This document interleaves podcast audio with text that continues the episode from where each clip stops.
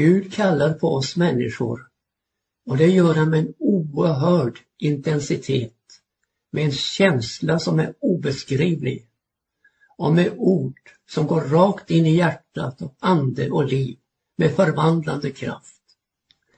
Redan på syndafallets första dag, när dagen börjar svalkas, så hörs Guds tunga steg i lustgården då han kommer i sin uppsökande kärlek för att möta människan i hennes situation.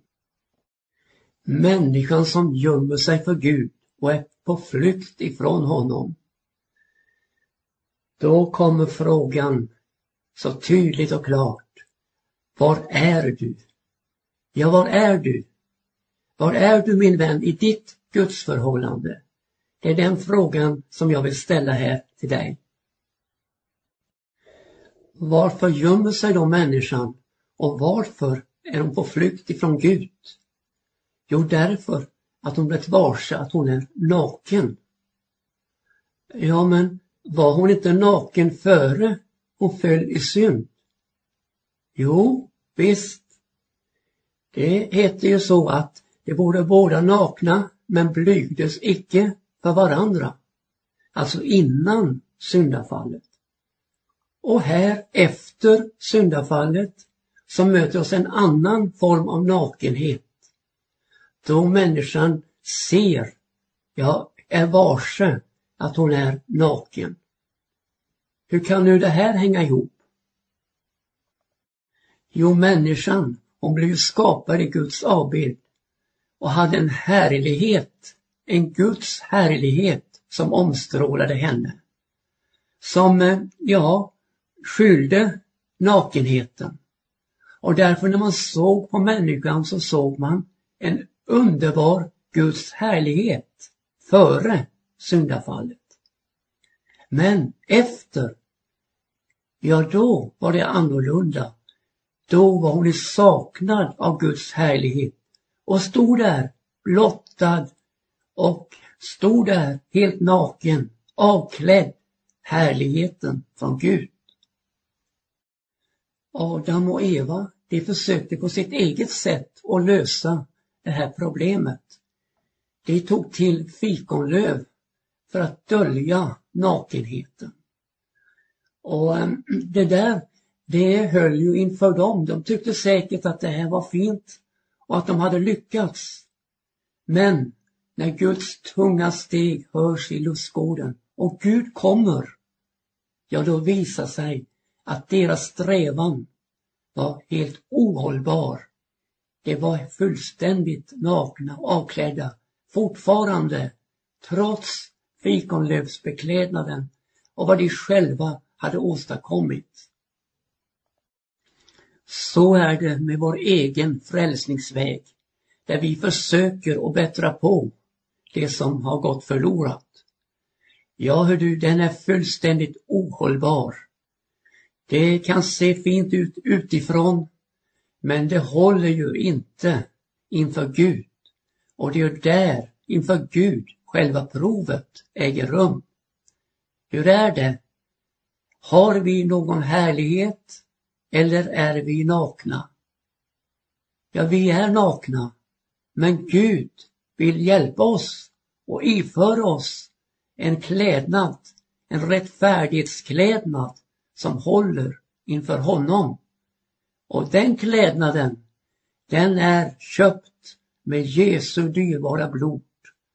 Där Jesus gav sitt liv för oss i en död för oss, en offerdöd. Och där han tog vår synd, ja vår nakenhet och allt vad vi representerar av oförmåga ja, av att kunna, kunna nå Gud. Det tog Jesus i sin kropp upp på korset och dog för oss. Och ja, banade därmed en ny och levande väg till Gud in i själva himlen. Där på fallets dag så ikläder Gud människan en klädnad av skinn och eh, det är ju tydligt och klart att en skinnklädnad, där måste ett djur offras. Och tänk dig in i att för första gången blod flyter på denna jord. Det var just denna gång då Gud offrar ett djur för att få ett skinn att iföra människan. Och det är ju då en enorm Eh, bild, ja, en profetisk förutsägelse vad som ska ske när Jesus offras för oss och ger sitt liv. Och här finns bara ett offer för våra synder. Offret Jesus gav på Golgata. Offret en gång för alla. Då han tog vår synd i sin kropp upp på korset och dör för oss.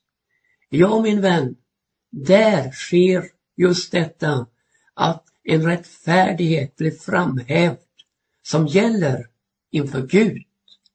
Och den rättfärdigheten, den tillräknas oss när vi tror på Jesus. Bibelns gestalter blev alla kallade av Gud. Från den första Adam och Eva. Ja, så gick kallelsen vidare ut till människor. Vi kan ju ta en sådan som Enok som vandrar i umgängelse med Gud. Vi kan ta Noa som i full förtröstning byggde en ark. Och vi kan ta Abraham som gick ut ur det kaldeiska ur efter att ha nåtts av Guds kallelse. Det tog uttryck på olika sätt i olika tider och så vidare. Men det hade en sak gemensamt, nämligen det här, det handlade om gemenskap med Gud.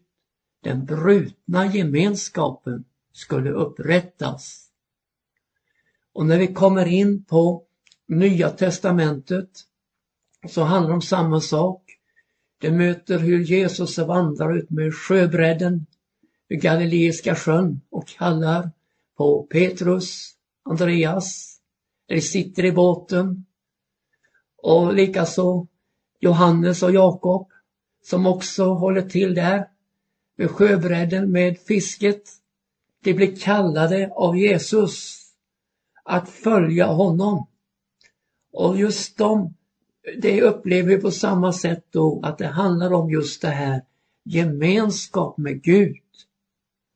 Och, och det är ju så underbart det här att vi som, som var borta från Gud, där vi inte hade den här innerliga gemenskapen som det innebär då att kunna ja, vandra med honom, tala med honom och vara tillsammans med honom inför hans ansikte i bön och tillbedjan.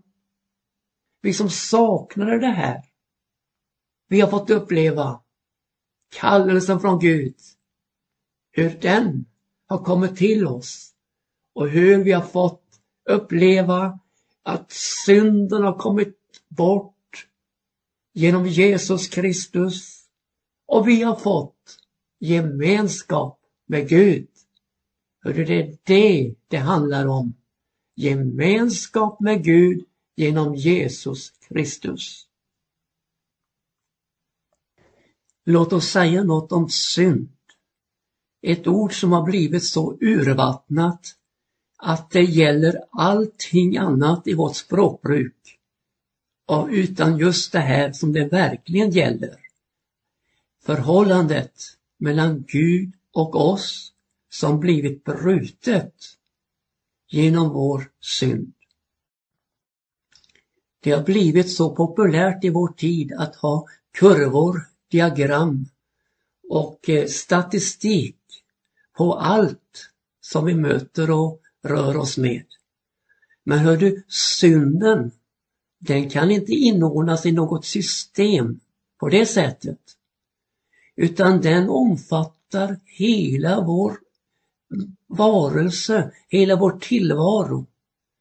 Där vi är, ja, förlorade, utan hopp och utan Gud i världen. En ytterst allvarlig situation som bara kan lösas genom en enda, nämligen Jesus Kristus. Det handlar om vårt gudsförhållande som blev brutet genom synden på fallets dag. Innan hade människan gemenskap med Gud. Ja, Gud vandrade med dem i lustgården och var hos dem. Men härefter, när synden inträffade, så bröts ju detta innerliga förhållande, denna gemenskap. Och det är just detta som synden åstadkommer. Att den bryter förbindelsen med Gud. I lustgården som Gud hade satt människan i fanns massvis av träd med underbara frukter som människan fick äta av. Det fanns bara en begränsning och det var ett enda träd, kunskapens träd på gott och ont. Den dag människan åt av det trädet skulle hon döden dö. Ormen frestade människan och satte frågetecken inför det Gud hade sagt. Skulle då Gud ha sagt? Gud har ingalunda sagt. Ja, det var ormens budskap. Men Gud hade sagt. Och det är en mycket viktig sak här att när människan föll i synd så bröt hon emot vad Gud hade sagt i olydnad. Varför fanns då detta träd, kunskapens träd på gott och ont, i lustgården? Som en, eh, ja, frestelse. Ja, det var ju ingen frestelse innan ormen tog och eh, delgav människan det här med frestelsen att äta därav. Men varför fanns då detta träd? Jo, det var för att Gud han vill inte ha några robotar där eh, vi eh, reagerar på kommando, där vi reagerar på att det trycks på knappar. När Gud ville ha gemenskap med människan, där människan av fri vilja, ja just det, av fri vilja ville ha gemenskap med Gud och ville älska Gud. För det vet du, det var äktheten och det var den Gud sökte. Det var den Gud de ville ha. Om vi tar en, en eh, gammal bild, sprattelgubben som fanns i min barndomsdagar. Man drog i snöret och så sprattlade till. Det var precis det Gud inte ville. Han ville inte dra i något snöre och få människan att reagera på ett visst sätt. Nej, han ville att människans vilja skulle vara involverad. Alltså människan av fri vilja skulle gå Guds väg. Och därför fanns då ett prov. Därför fanns en begränsning. Därför fanns ett enda träd i vilken människan inte fick äta. Och det var just där hon föll, föll i synd. Men just där, på samma dag, jag tänk dig, samma dag, träder Gud in i lustgården på nytt för att uppsöka människan, för att kalla människan till sig. Och tragedin vet du, i våra liv, det är just det att Gud ser ryggtavlor. Han ser när vi är på flykt bort ifrån honom när vi försöker att gömma oss för honom. Men Gud, han vill se vårt ansikte. Han vill se oss framifrån. Han vill utbyta sitt tankar med oss. Han vill ge oss sitt livgivande ord och han vill ha ett ja, ett gensvar på, från vårt hjärta, från våra läppar på detta, denna kallelse denna gudomliga kärlek. Och då, ja då, då bryts begränsning på nytt och synden försvinner. Ja, halleluja! Och vi får uppleva kontakten med Gud återknyts i en underbar gemenskap med honom. Detta är frälsning som vi mottar när vi mottar Jesus i våra liv. Den som tog emot honom gav han makt att bli Guds barn åt den som tror på hans namn. Hör du, det är just detta det handlar om, tro på Jesus. Han säger i fråga om synd, till de tro icke på mig. Ja, det är där själva situationen spetsar till, vet du. Att vi, vi tror, när vi inte tror på Jesus, då har synden fortfarande sitt grepp över oss. Och vi är förlorade. Men som sagt, det bryts. Ja, tack och lov, det bryts när vi tar emot Jesus. Då blir vi nya skapelser i honom. Det gamla är borta och något nytt kommer till. Och vad är det nya? Jo, det är livet med Jesus. Och det är det som är så oerhört viktigt, att Jesus får komma in i våra liv med sin förvandlande kraft. För det var han, vet du, som bar din synd upp på Golgata kors. Det var han som dog för dig, ja. Och det var han som uppstod för dig för att du skulle få möjlighet till frälsning. För att du skulle få möjlighet att få din synd förlåten.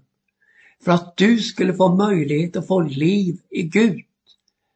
Ja, låt oss säga så, för att du skulle få gemenskap med Gud genom Jesus Kristus. När kallelsen går ut ifrån Gud så är det oerhört viktigt hur man reagerar på den. Alltså att man inte avvisar, men att man lyssnar och tar den till sig. För Gud vill ju ha gemenskap med oss. Men frågan inställer sig, vad vill vi? Viljan, ja. Det var den Gud eftersökte i våra liv. Alltså fri vilja ha gemenskap med honom. Han, eh, han eh, tvingar sig inte på någon enda. Han kommer inte med hot och mordlust. Men han kommer med sin kallelse och söker människan och ställer då frågan Människa, var är du? Ja, vad är du i ditt gudsförhållande? När Jesus rider in i Jerusalem på en åsna, på en åsninnas fåle, så gråter han över staden. Och varför? Jo, han säger, hur ofta har jag inte velat församla dina barn som hönan församlar sina kycklingar under sina vingar. Men, säger han, ni har inte velat. Alltså viljan fanns där inte. Och när han eh, liksom drar fram det här så säger han att du har inte insett vad din frid tillhör. Alltså man såg inte situationen som den var. Man tyckte allt var som det, ja, om inte borde vara så var det väl någorlunda. Men hur du, det saknas ju det allra väsentligaste. Guds fred. O, o, att du hade insett också du vad din frid tillhör. Men säger han, nu är det fördolt för dina ögon.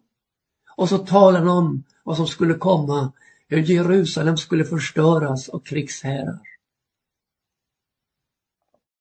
När Gud söker en människa, alltså sökningstiden, den är oerhört dyrbar för oss.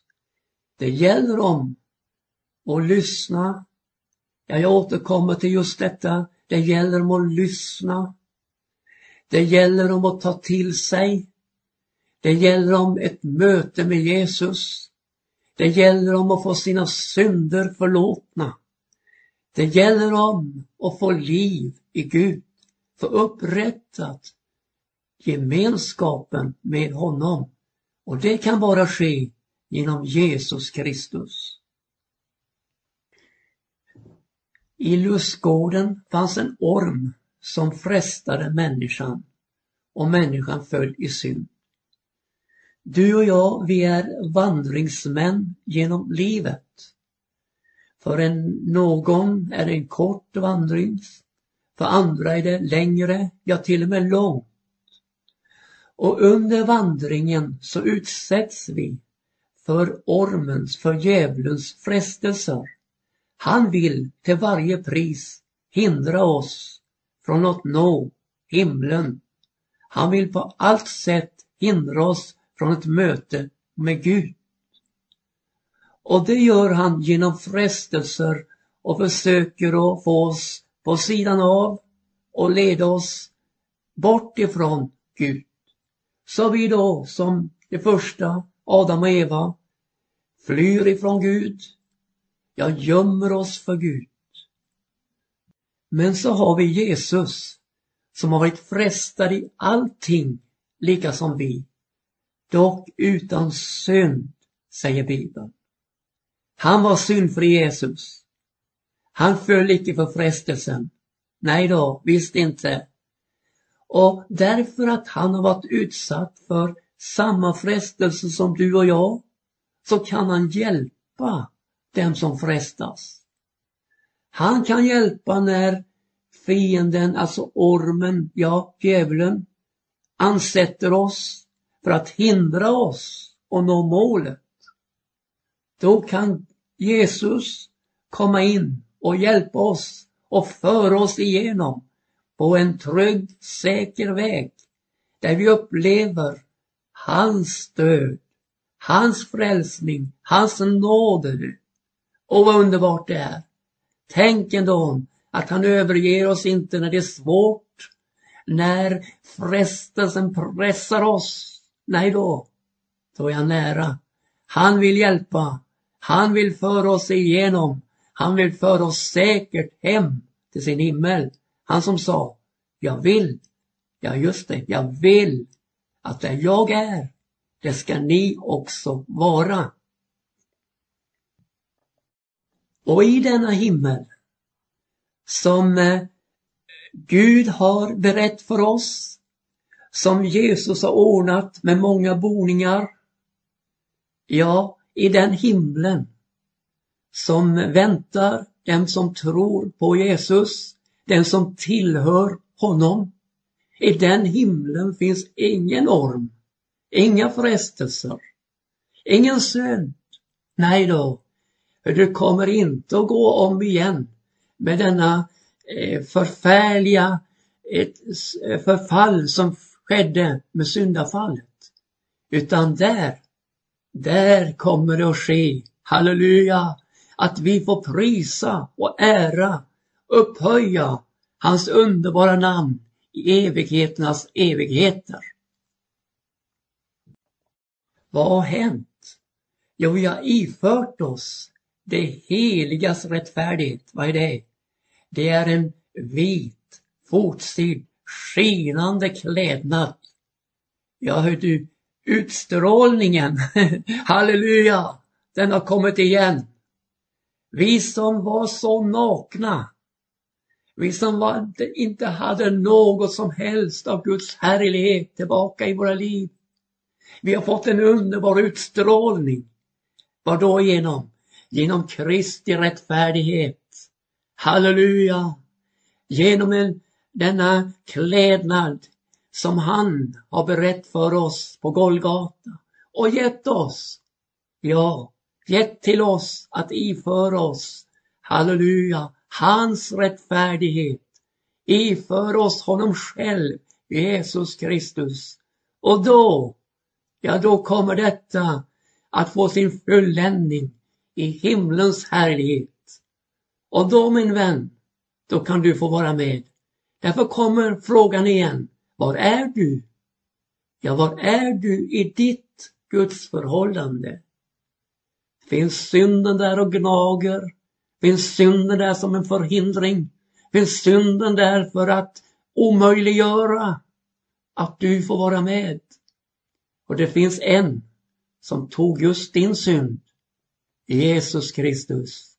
Och därför så finns det möjlighet att bli frälst. Därför finns det möjlighet att få sitt namn skrivet i Livets bok i himmelen. Därför finns det möjlighet att få vara med i staden. Ja, och få vara där tillsammans med Jesus och änglarna och dem som har tagit vara på kallelsen och fått upp, uppleva att de fått gemenskap med Gud genom Jesus Kristus. Min vän, ta vara på tillfället. Låt Jesus få, ta, få frälsa dig. Låt Jesus få bli den han är i ditt liv. Låt mig avsluta med att tala än en gång om viljans betydelse. Ja, Bibeln uttrycker i Uppenbarelseboken, den som vill, han kommer och tagit livets vatten för intet. Den som vill, han kommer. Nu är det så att det är ju inte, inte vår viljeansträngning som frälsar oss. Nej då, långt ifrån. Men viljan, den har ju den i sig att vad jag vill, ja, det gör jag. Och vad vill jag? Jo, jag vill uppleva Jesus i mitt liv. Jag vill ha fatt i livets friska vatten. Jag vill ha min sak klar med Gud. Jag vill ha upprättat gemenskapen med honom. Den som vill, han tage livets vatten för intet. Hör du, det är det erbjudandet Bibelns budskap ger oss. Det är det erbjudandet kallelsen från Gud når oss med. Det är det erbjudandet du och jag kan säga vårt odelade ja till. Gud välsigne dig och ta ställning för Jesus. Ta ställning för, till, som ett ja på Guds kallelse. För du vet att sökningstiden, den är dyrbar också för dig. Den är inte oändlig. Den, är en dag är den slut. Och därför gäller det att ta vara på sin sökningstid. Därför gäller det att inte förpassa Guds kallelse till morgondagen utan tvärt emot, ta till sig Guds kallelse här och nu, idag. Ja, idag är frälsningens dag. Idag är det välbehaglig tid. Gud välsigne dig min vän